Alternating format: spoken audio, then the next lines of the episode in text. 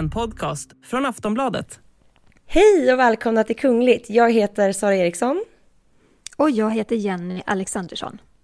En kunglig skilsmässa skakar om spanska kungahuset och det ligger mycket mer bakom den än vad man kan tro. Harry och Meghan bygger upp ett nytt medieimperium men lovar de för mycket? Vissa av deras samarbetspartner har nämligen tröttnat och nu letar de efter nya ersättare.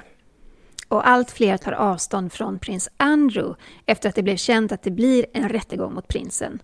Och nu har det dessutom framkommit att prinsen faktiskt behandlar sin personal illa och minst sagt märkligt.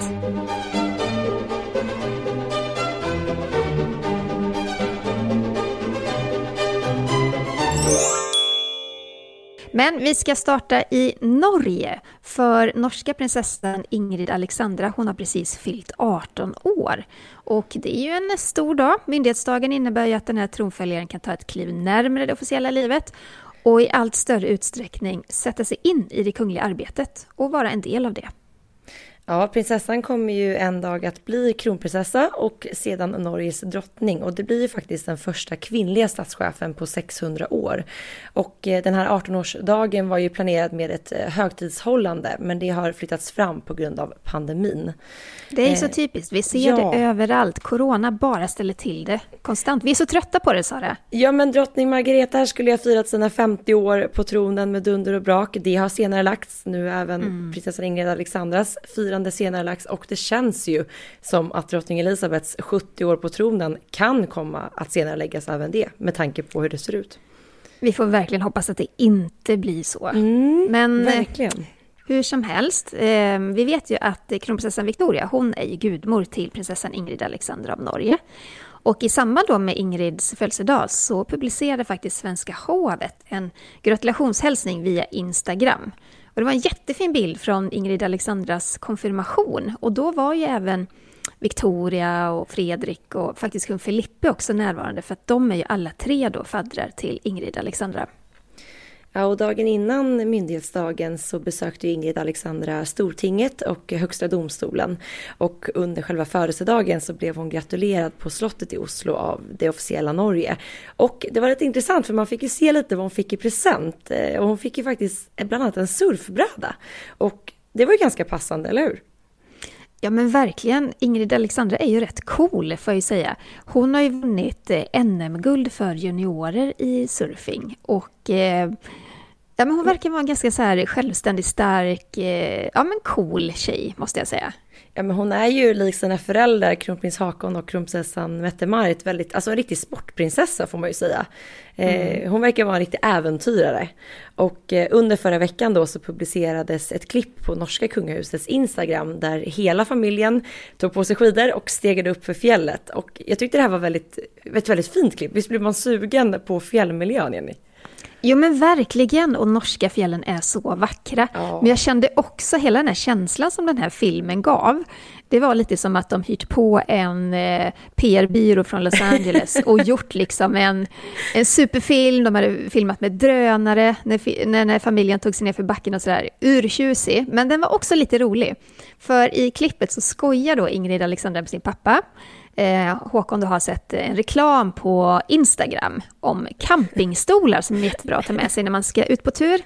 Men så visar då Ingrid Alexandra upp de här små stolarna och alla skrattar för att de här, det är som små pallar i textil det, max en skinka av rumpan på max. plats. max. Den är inte avsedd för en vuxen rumpa kan man ju säga.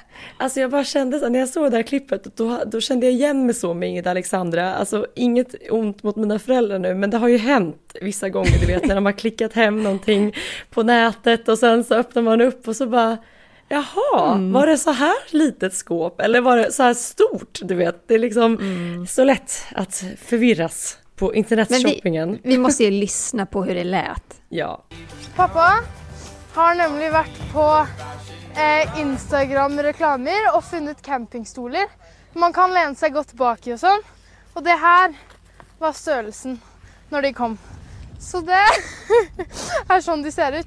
På bilden så tror jag de var åtta gånger större. Vad syns du? Var det riktig prioritering att ta med stolen istället för pölserna? Ja, när familjen sen susar ner för backen så visade det sig att eh, Ingrid Alexandra, hon är ju en riktig stjärna alltså på skidor. Och det var ju kul att se. Ja, men det tycker och, jag. Ja, men hon, det känns ju som att den här familjen, de ägnar sig rätt mycket åt uteliv och eh, vad säger man, sport. Ja. Det känns så typiskt norskt också. Det är klart att de ska vara skidintresserade. Det bara hör till, eller hur? Mm. I samband då med födelsedagen så gav Ingrid Alexandra sin allra första intervju till bland annat tidningen VG. Jag tror hon gjorde någon för NRK också. Mm. Men eh, där avslöjar hon bland annat att tacos är det bästa hon vet, det käkar de på fredagar. Och de kollar på TV tillsammans på kvällarna, hela familjen, allra helst då The Voice. Och eh, hon säger då att det är föräldrarna som gråter mest då till programmet. Just det, hon berättade även att hon har ett ganska så dåligt morgonhumör. Eh, och hon pratar även om att hon inte känt sig liksom annorlunda under uppväxten. Och det tyckte jag var, var kul att höra med tanke på liksom vad hennes faster, prinsessan Märta Louise, berättat om sin uppväxt. Där hon liksom konstant vantrivdes i rollen som prinsessa och eh, alla de här officiella framträdandena. Ja men verkligen. Det känns ju som föräldrarna har gjort någonting bra där. Mm. Och Ingrid Alexandra hon berättar även att hon går ju inte i någon drottningsskola. Utan hon får goda råd av sina föräldrar och farföräldrarna också då när det behövs. Och så tog hon även upp eh, den yngre generationen kungligheter i Europa i intervjun. Och det var då med norska NRK, den intervjun. Så vi lyssnar lite på vad hon sa där. Jag är så heldig att jag har väldigt många jämnåldrande tronarvingar um, i Europa nu. Så jag hoppas ju att vi kan bruka varandra efterhvert. Ja, har det, kontakt har ni? Eh, vi har ganska mycket kontakt, särskilt med Sverige och Danmark. Eh, vi var och besökte Victoria, Daniel och Stella och Oskar i sommar. Det var väldigt hyggligt. Men dere jevnaldrende, er det sånn at dere kommuniserer på Snap? Har dere en egen gruppe for, for de unge kongelige i Europa? Ikke enda, kanskje Ikke det kommer etter hvert. Men nå er det ganske lenge siden vi har samlet alle sammen pga. korona. da. Eh, så sist gång var väl två-tre år sedan. Det länge sedan jag sett honom. Ja, men hon pratar ju om de jämnåriga tronarvingarna i Europa och berättar hur de på sitt sätt hjälper varandra. Men att det nu var länge sedan som de sågs på grund av corona. Eh, hon berättar ju även att de, hon har mest kontakt med liksom svenska och eh, danska kungafamiljen och hon tog även upp familjens besök här i Sverige då vi fick ta del av bilder när de hängde med kronprinsessfamiljen i somras. Ja, det var väl på Gotland, eller hur? Ja, visst var det det? Men det var mm. någon sån härligt somlig bild där, ja. Ja, precis. Ja, men det är ju... Det känns ganska typiskt för de här skandinaviska kungafamiljerna att man stöttar varandra. För kronprinsessan Victoria, hon har ju faktiskt kallat kronprins Håkon och kronprins Fredrik för sina bröder och liksom berättat att de mer eller mindre har vuxit upp tillsammans på ett sätt. Mm. Och de hjälper varandra. Och kan man tro att det blir så med nästa generation också kanske? Ja, men jag tänker ju framförallt eh, prinsessan Katarina Amalia och eh, prinsessan Elisabeth med tanke på att de är ju jämnåriga. Alla, allihopa är ju 18 år nu. Eh, och även kanske prins Christian som är 16 år. Jag tänker att det är klart att de kommer att kunna ha hjälp av varandra och stötta varandra. Sen är det ju så som som Ingrid Alexandra själv nämnde i intervjun, att man, de har ju allra mest kontakt med eh, svenska och norska kungahuset. Så det känns ju som att de, likt föräldrarna, kanske står varandra lite närmre. Ja, för vi kan ju säga att Katarina Amalia är ju nederländsk prinsessa, tronföljare och Elisabeth då belgisk eh, tronföljare. Ja, precis. Så det kanske blir att eh, att hon kommer allra mest kontakt med prins Christian, även om det skiljer några år mellan dem. Men att de ändå står inför samma utmaning och, och samma process. Och jag tänker Estelle också, jag menar i vuxen ålder så brukar den här åldersskillnaden inte vara lika stor som den kanske är i tonåren. Nej men verkligen. Eh, för Estelle, är hon nio nu eller? Ja, hon fyller ju tio år nu i februari. Ja, så, att, så det kommer menar... ju inte vara så stort glapp där ändå. Nej, åtta år sedan när man är runt 20-30, det spelar inte så stor roll. Nej. Alltså det är klart att de kommer kunna hjälpa varandra. Och det, jag tror att man behöver det. Visst att man kan få råd från sina föräldrar och sina farföräldrar. Men just att kunna bolla saker med någon jämnårig är också väldigt viktigt. Mm. Och sen tycker jag i den här intervjun var det också väldigt fint att Ingrid Alexandra tog upp sina kusiner Maud, Lea och Emma som förebilder. Och vi vet ju att för deras pappa Ari Ben tog ju sitt liv, det var väl julen 2019. Mm. Och eh, ja, men Ingrid säger då att eh, de har gått igenom något av det tuffaste som barn kan gå igenom. Men att de fortsatt vara positiva och glada och gjort det bästa av alla situationer. Ja, hon säger verkligen att det är någonting hon ser väldigt mycket upp till. Jag tyckte det var fint att hon tog med det i sin mm. intervju. Eh, jag tyckte också det var bra det här, hon nämner ju att det är viktigt att kungahusen följer med tiden. Eh, att de själva är feminist och att alla ska ha samma rättigheter. Och där nämner ju hon även sin farmor, drottning Sonja, som en stor förebild för henne. Ja, och det, det kan man ju verkligen hålla med om. I, ja. I samband med födelsedagen så publicerade hovet också nya bilder på prinsessan.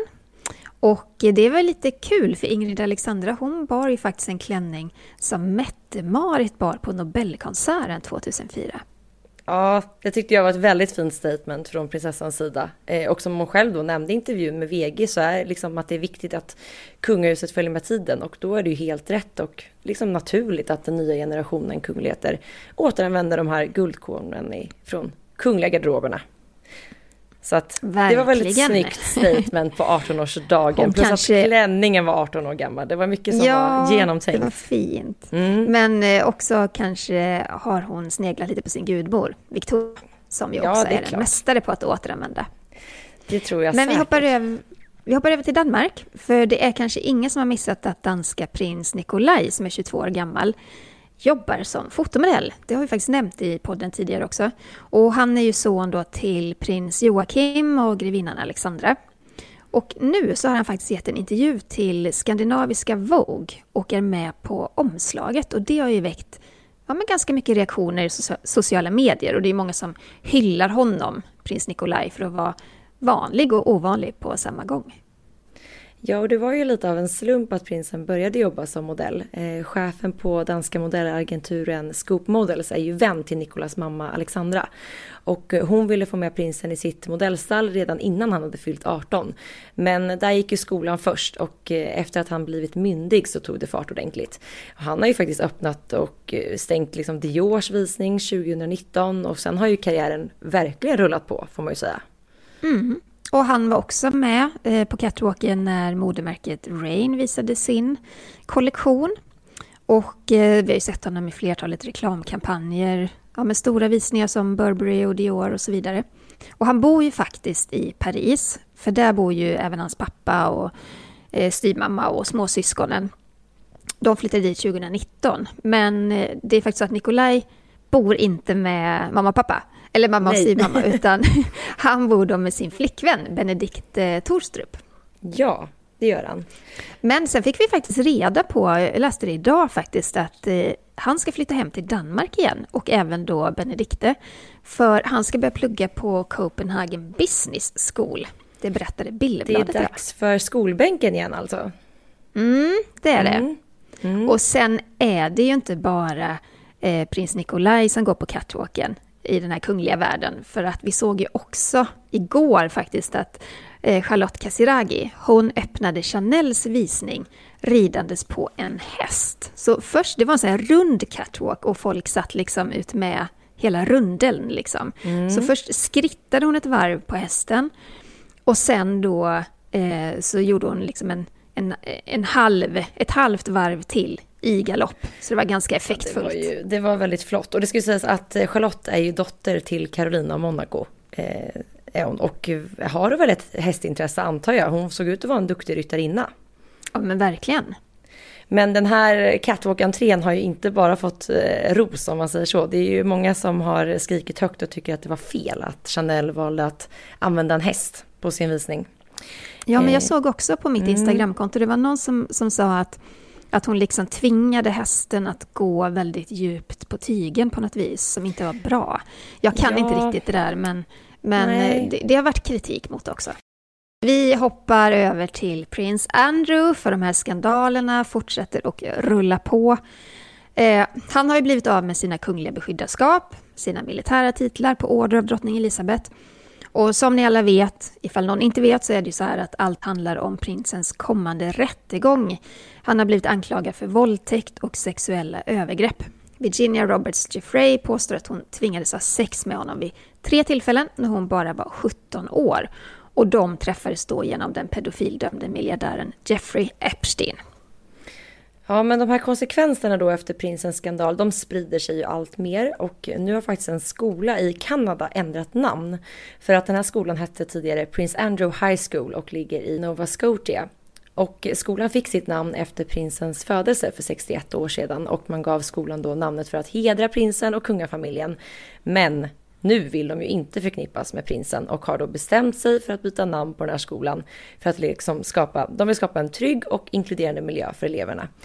Så nu bjuder skolan in föräldrar och allmänheten till att ge nya namnförslag för att Prins Andrews namn, det ska väck. Det ska väck, mm. men det är inte bara det som skapat svallvågor efter den här skandalen. Eh, det är också så att människor runt omkring prinsen äntligen vågat öppna upp om prins Andrews beteende. Och det är inte något bra beteende som vi får vittnesmål om. Nej. The Sun har intervjuat en tidigare livvakt och han berättar att han och andra livvakter till prinsen behandlades som hundar. Det hände att prins Andrew ville slå lite golfbollar i trädgården och då fick livvakterna springa runt och hämta de här bollarna då efter honom och Vilket komma tillbaka översittarbeteende. Nej men alltså man blir ju mörkrädd alltså. Ja, och sen så ska Andrew då han lät även en av sina hushållerskor gömma en nallebjörn varje kväll som prinsen då sedan skulle leta reda på. Eh, det är sjukt, varför skulle han göra det? Ja, jag förstår inte riktigt heller. Och Sun har ju då pratat med den här för detta hushållerskan, eh, Jeanette McGowan, som arbetade på Buckingham Palace mellan 1999 och år 2000. Och varje kväll så skulle björnen gömmas på ett nytt ställe och liksom prins Andrew roades då mycket av den här barnsliga leken. Det låter ju liksom som någonting jag gör med min brorsdotter som är två. Alltså mellan 99 och 2000 då var väl han typ i 39-40 års åldern. Ja. Det är helt sjukt. Och Lite en annan för gammal hushåll... för att leta ja, men... efter nallebjörnar, eller? Ja men verkligen. Mm. En annan hushållerska som också blivit intervjuad, Charlotte Briggs, hon var tvungen att springa upp för fyra trappor till hans rum för att dra ihop hans gardiner i sovrummet. Det fanns då tydligen en liten glipa mellan gardinerna och prinsen hade bara skrikit då till Charlotte Briggs att kan du för i helvete inte göra en enda grej rätt? Alltså han ropade på sin hushållerska trots att han själv satt precis bredvid fönstret. Han kunde inte stänga till de här gardinerna själv. Mm. Och Charlotte hon berättade för The Sun att hon började gråta att hon ofta försökte gömma sig då när prinsen började skrika och ha sig. Mm. Och, och, hennes, alltså kontentan i det hon säger då, det är bland annat då att eh, prinsen har ju stridit under Falklandskriget och hyllades som modig, en modig soldat. Mm. Men att dra ihop sina egna gardiner vägrade han att göra. Ja, och vid ett annat tillfälle så blev Charlotte biten av prinsens hund, en liten Norfolk terrier vid namn ben Bendix, som var döpt då efter Fergies favoritchoklad. alltså vad är det som pågår? Eller pågått, ja. Ja, Charlotte berättar för Sun att eh, hunden då blev rädd för dammsugaren och så bet han Charlotte jättehårt i benet så att det började blöda. Och det som hände sen var då att en butler förde vidare detta till prins Andrew, berättade vad som hade hänt och prinsen hade bara skrattat åt henne. Han hade aldrig bett om ursäkt, han hade inte pratat med henne om det. Och Charlotte säger då citat så här. Det är de små sakerna som säger allt om en person och hans karaktär. Slutcitat. Och vi kan väl bara hålla med, sa det. Ja, men det är ju så märkliga, alltså det verkar aldrig ta slut på märkliga saker som dyker upp gällande prins Andrew. Det var lite intressant för jag gästade Rix FM igår och Star FM och när jag klev in i studion då så frågade de mig så här, exakt hur många timmar har du och din kollega Jenny pratat om Andrew i podden? Och jag kom fram till att ja, det har ju varit någonting nytt varje vecka mm. sedan 2019. Ja, alltså verkligen. det tar aldrig slut. Men, och, och sen tror jag också, nu när skandalen är ett faktum, så mm. tror jag också att det blir lättare för människor att öppna upp kring mm. prinsen och våga berätta. För så länge han är en skyddad kunglighet, så länge han har eh, makt och liksom eh, möjligheter att eh, ja, trycka till andra människor, så är folk tysta. Det blir ju som en tystnadskultur. Men nu vågar folk prata och då kommer de här sakerna fram i ljuset. Och jag brukar tänka så också att när jag träffar någon ny person, alltså innan jag var sambo och barn och sådär och man kanske dejtade, man kunde se på kille, det gäller ju tjejer också, se på en kille tycker jag att hur han behandlade till exempel eh, servitriser eller serveringspersonal mm. på restauranger eller, eller taxichaufförer. Om de behandlades dåligt, då var inte jag intresserad kan jag säga.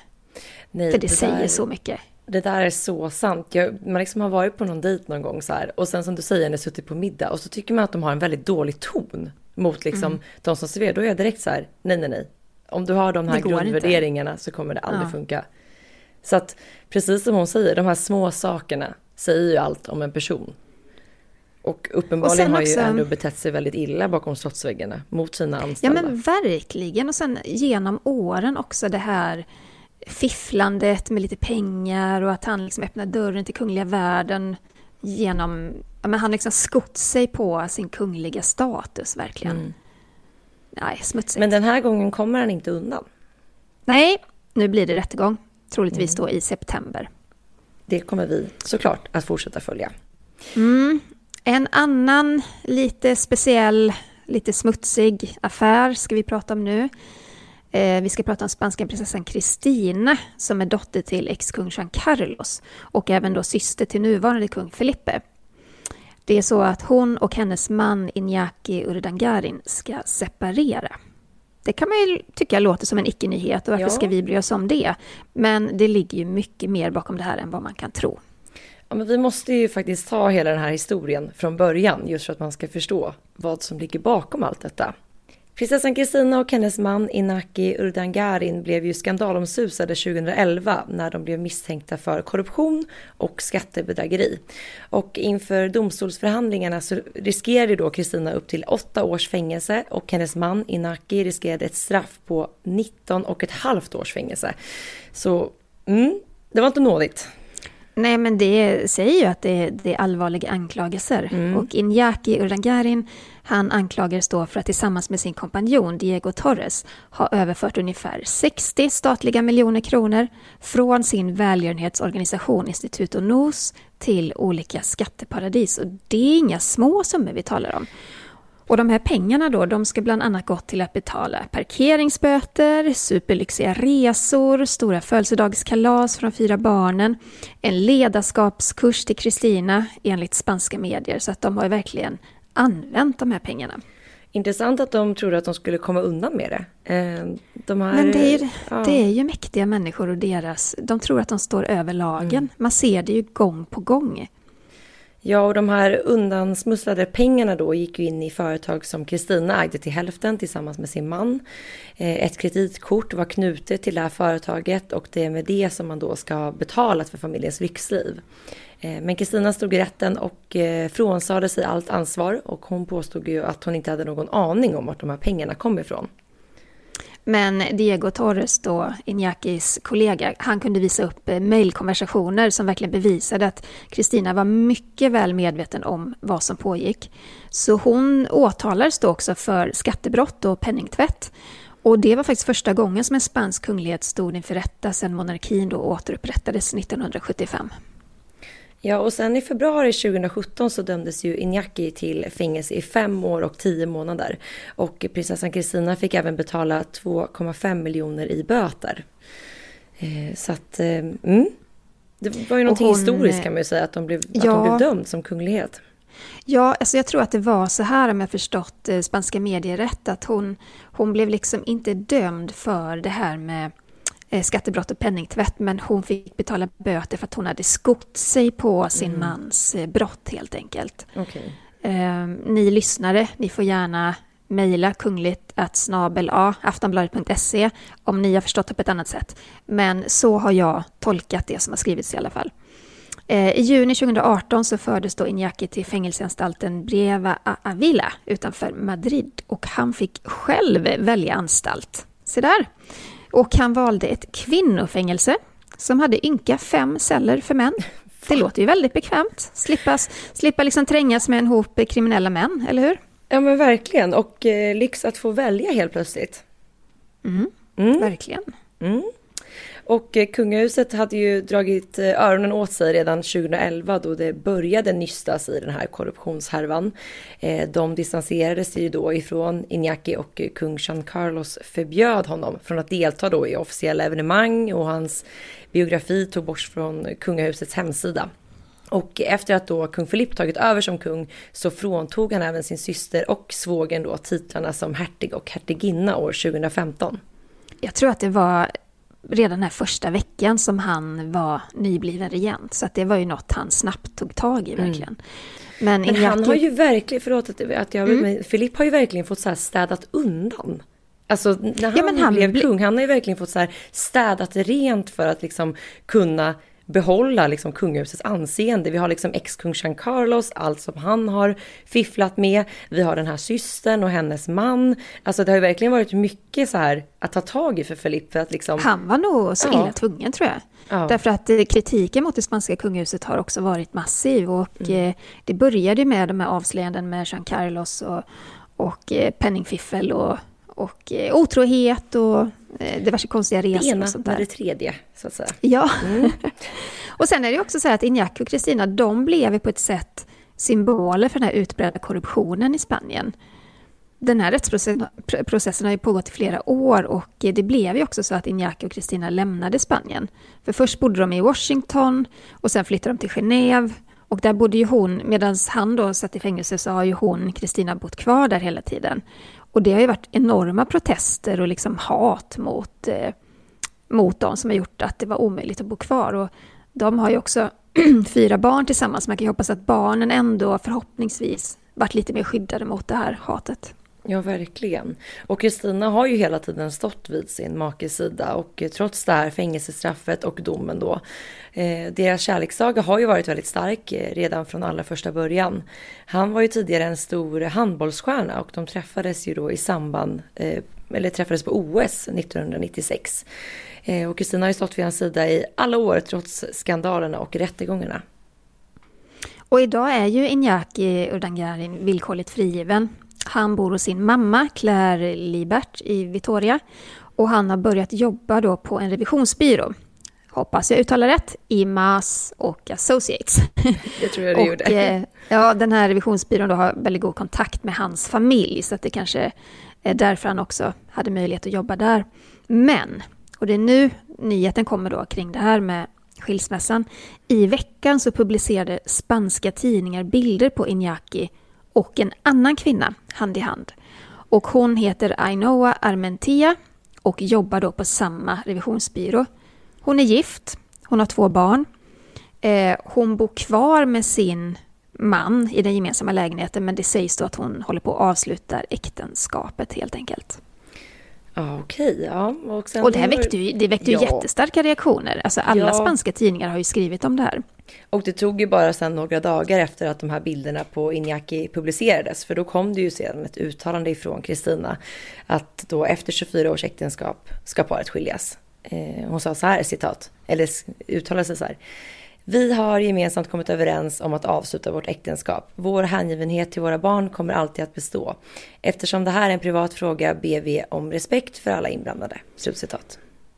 Och det kan man ju, eh, det kan man ju förstå, speciellt när det är barn inblandade såklart. Men eh, den här revisionsbyrån, de har ju haft paparazzi utanför sina portar ända sedan de här första bilderna publicerades. Och hon, mm. Armentia, hon har ju vägrat svara på frågor. Men däremot så jag tror något av barnen som är lite äldre har, eh, har sagt någonting till någon tidning om att det här, det kommer att lösa sig. Och det verkar som att eh, prinsessa Kristina också kände till den här relationen, att det var ingen chock för henne. Men det är klart att när det blir officiellt så, så kanske man ändå tar beslutet att nu skickar vi ut det här uttalandet. Mm. Men frågan är ju om den här skilsmässan kommer att påverka liksom, den spanska monarkin. Alltså inte på lång sikt tror jag inte. Alltså det här är stort här och nu. Och eh, det blir ytterligare lite så här ved på elden liksom. Eh, för alla som är kritiska till kungahuset och, och sådär. Men på lång sikt tror jag inte det. Men jag tänker du? också att, att spanjorerna kanske också har distanserat sig lite eh, liksom, gentemot Kristina redan. Med tanke på att liksom, hon inte har varit en del av kungafamiljen på det sättet på så lång tid. Och sen också i och med mm. det här uttalandet så kommer det inte särskilt mycket mer spekulationer utan hon går ändå ut och berättar hur det ligger till. Eh, det är klart att all typ av publicitet, nu rys ju det här upp igen och nu kommer hela, det vi sitter och pratar om nu, hela den storiesen kommer ju liksom pratas om igen i och med att man mm. pratar om deras äktenskap. Så det är klart, på så sätt är det ju inte bra för kungahuset för att då blir folk påminda om vad som har hänt tidigare. Ja men precis. på tal om påminnas om vad som har hänt tidigare. vi, vi har kommit till veckans Harry och Meghan.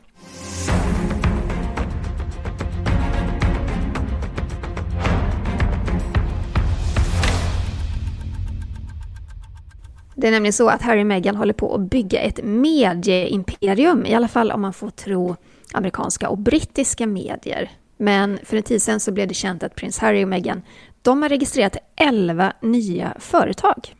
Och de har inte registrerat dem i Los Angeles där de bor utan i Delaware eh, som beskrivs som ett skatteparadis. Sju av företagen är kopplade till nöjes och medieindustrin och frågan är vad de har i pipen nu, det undrar jag. Ja, men vad har de inte i pipen? Förra året så signade de ju en miljardaffär med Netflix och med Spotify. Och på Spotify så lovar de ju en podcastserie med spännande gäster och viktiga ämnen. Men än så länge så har vi bara fått ett enda avsnitt på 37 minuter. Och det sades då vara en sån här pilot eller introduktion till en lång serie.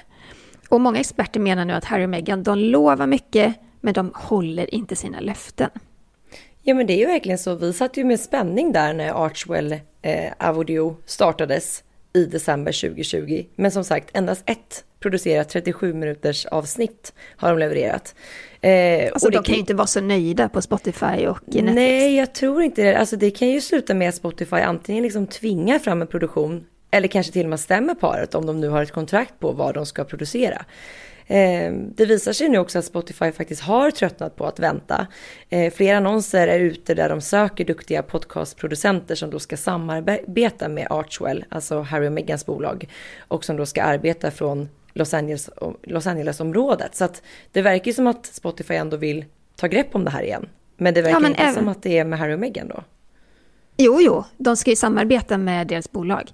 Men även Netflix har ju tröttnat på att vänta. De signade med Harry och Meghan för 16 månader sedan. Och det verkar ju gå ganska trögt med den här tecknade serien Pearl, som Meghan då trumpetade ut att hon skulle göra.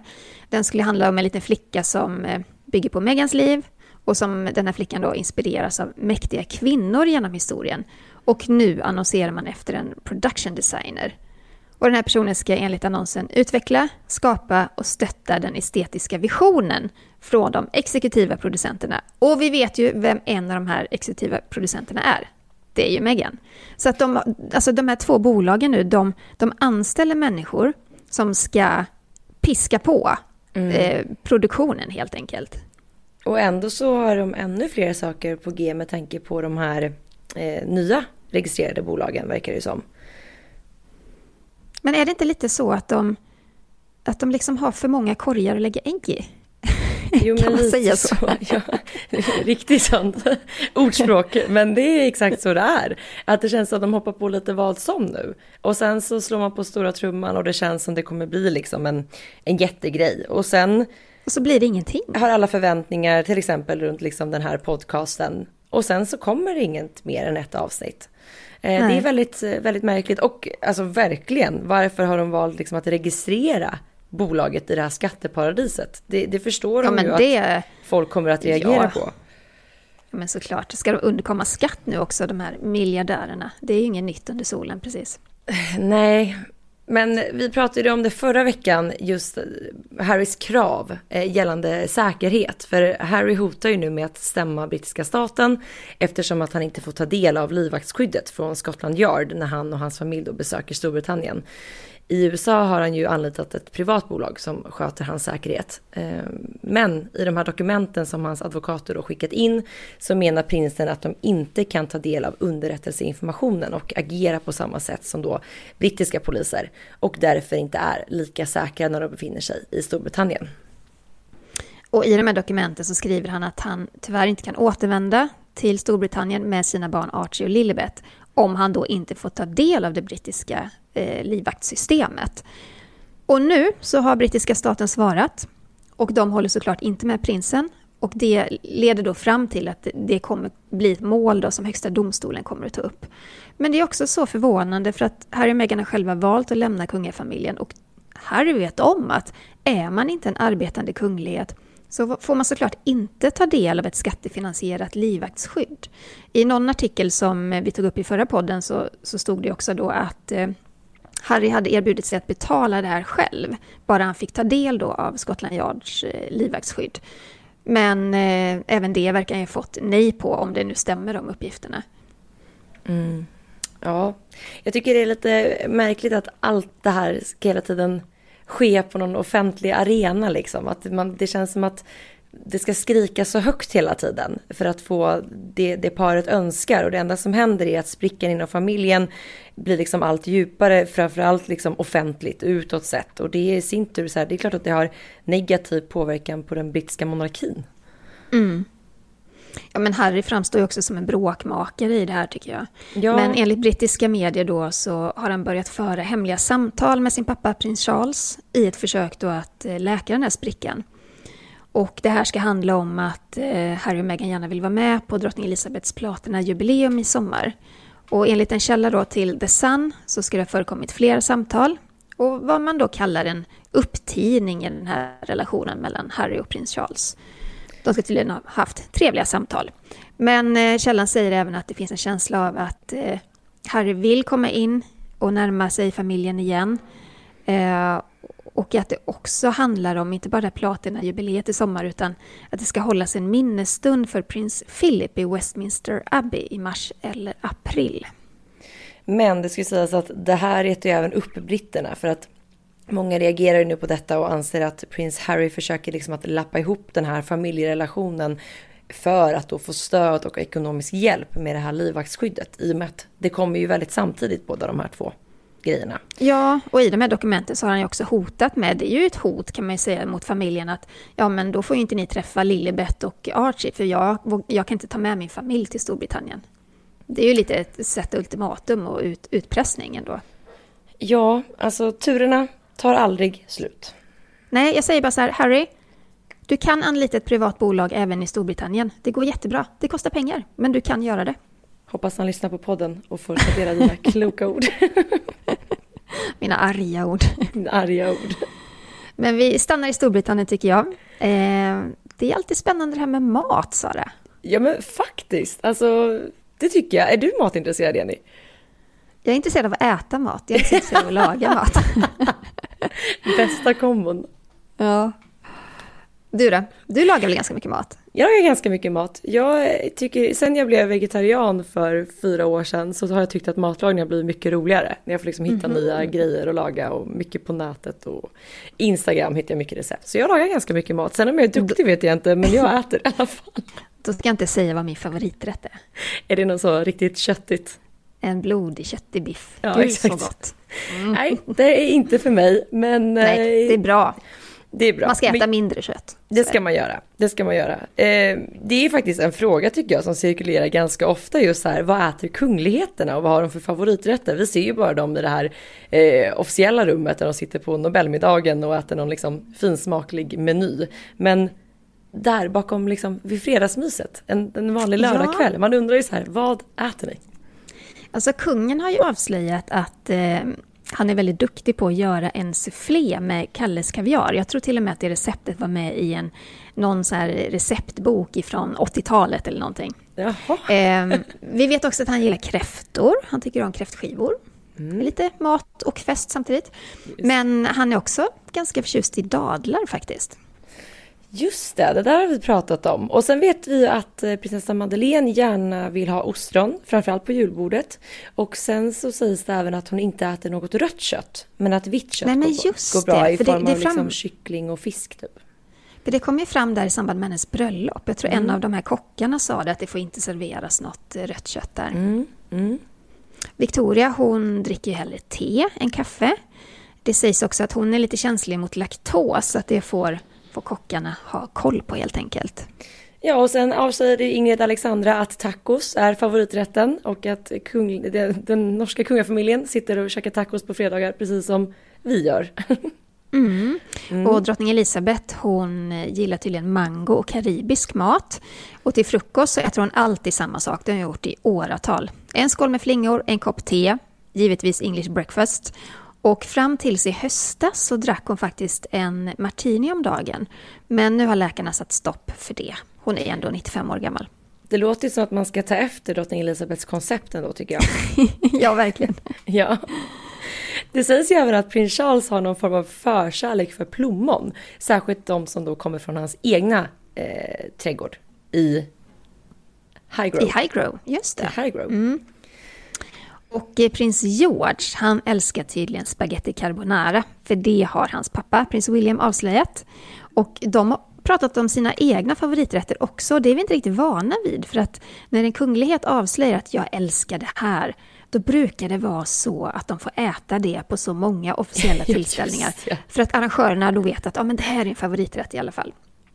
Men, men eh, vad är det de käkar då, Sara? Nej, men eh, det är ju då, Kate har ju berättat att hennes favoriträtt är curry, men att hon då inte kan dela den med prins William för att han tycker att hennes val alltid är för starkt och för kryddigt. Och eh, William i sin tur då berättar att hans favorit är chicken masala, men var tydlig med att den absolut inte ska vara för starkt kryddad. För att han oh, gillar ja. inte stark mat. Jag är team William här. Jag är team Kate. Gillar du starka grejer? Ja, men jag tycker om stark mat. Mycket kryddor. Mm. Mm. Men sen har de en annan grej för sig också, för att vid ett officiellt besök då, det var väl samma besök, så ska William ha pekat på en vit soffa och så har han så här skämtsamt sagt att håll pizzan borta från soffan, varpå Kate då svarade att William är en mardröm med just det beteendet att han käkar då pizza i soffan. Och det blir såklart fläckar om det är en vit soffa. Om man är lite eh, drullig, ja. Mm, mm. Så det, frågar man Kate får man inte käka sån mat i familjens soffa. Får man käka pizza i din soffa, Jenny? Ja, kan man få. Jag har en ny soffa, men jag har faktiskt täckt den med filtar, för jag har också en busig sjuåring hemma, så att jag riskerar ingenting. Däremot är min soffa grå, så att eh, det syns okay. inte lika väl mm. på en sån. Ja, men det är bra. Det är bra. Mm. Du, vi har fått en eh, lyssnarfråga också. Eh, Lena undrar så här. Stämmer det att prins Daniel har fått en hedersdoktortitel? Åh, vilken bra fråga från Lena. Eh, och mm. ja, det stämmer ju. Karolinska institutet har ju utsett prins Daniel till hedersdoktor för hans insatser för folkhälsan och främjande av en hälsosammare livsstil bland barn och unga minskade hälsoklyftor och stöd till medicinsk forskning och utbildning. Och i april kommer han då att få ta emot sin doktorshatt i samband med den här högtidliga... Ja, promoveringen i Stockholms stadshus ja. Just ja, det. precis. Det är ju spännande. Och tidigare har ju både kungen och drottning Silvia och prinsessan Kristina hedrats med de här, eller sådana doktorshattar. Så att Lena hade rätt där i sin fråga. Det stämmer. Mm, det stämmer. Hörni, vill ni ställa fler frågor så mejlar ni till kungligt aftonbladet.se så tar vi upp dem i podden. Ja, och glöm inte att följa oss på sociala medier. Var hittar man dig, Jenny? Främst på Instagram, där heter jag kungligt med Jenny. Och du då, Sara? Mig hittar ni på royalistan.se. Det går fort att spela in ett avsnitt, Jenny. Nu har vi liksom... Ja, men det gör det. Tack snälla för att ni har lyssnat och vi hörs ju nästa vecka igen. Det gör vi. Ha det så bra. Hej då! Hej då!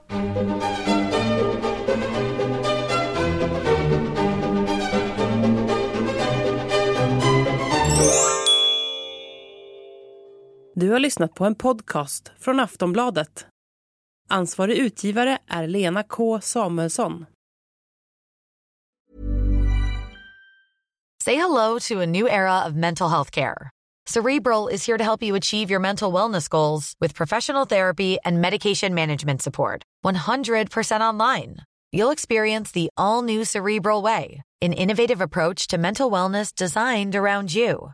You'll get a personalized treatment plan from a therapist, prescriber, or both in a safe and judgment free space.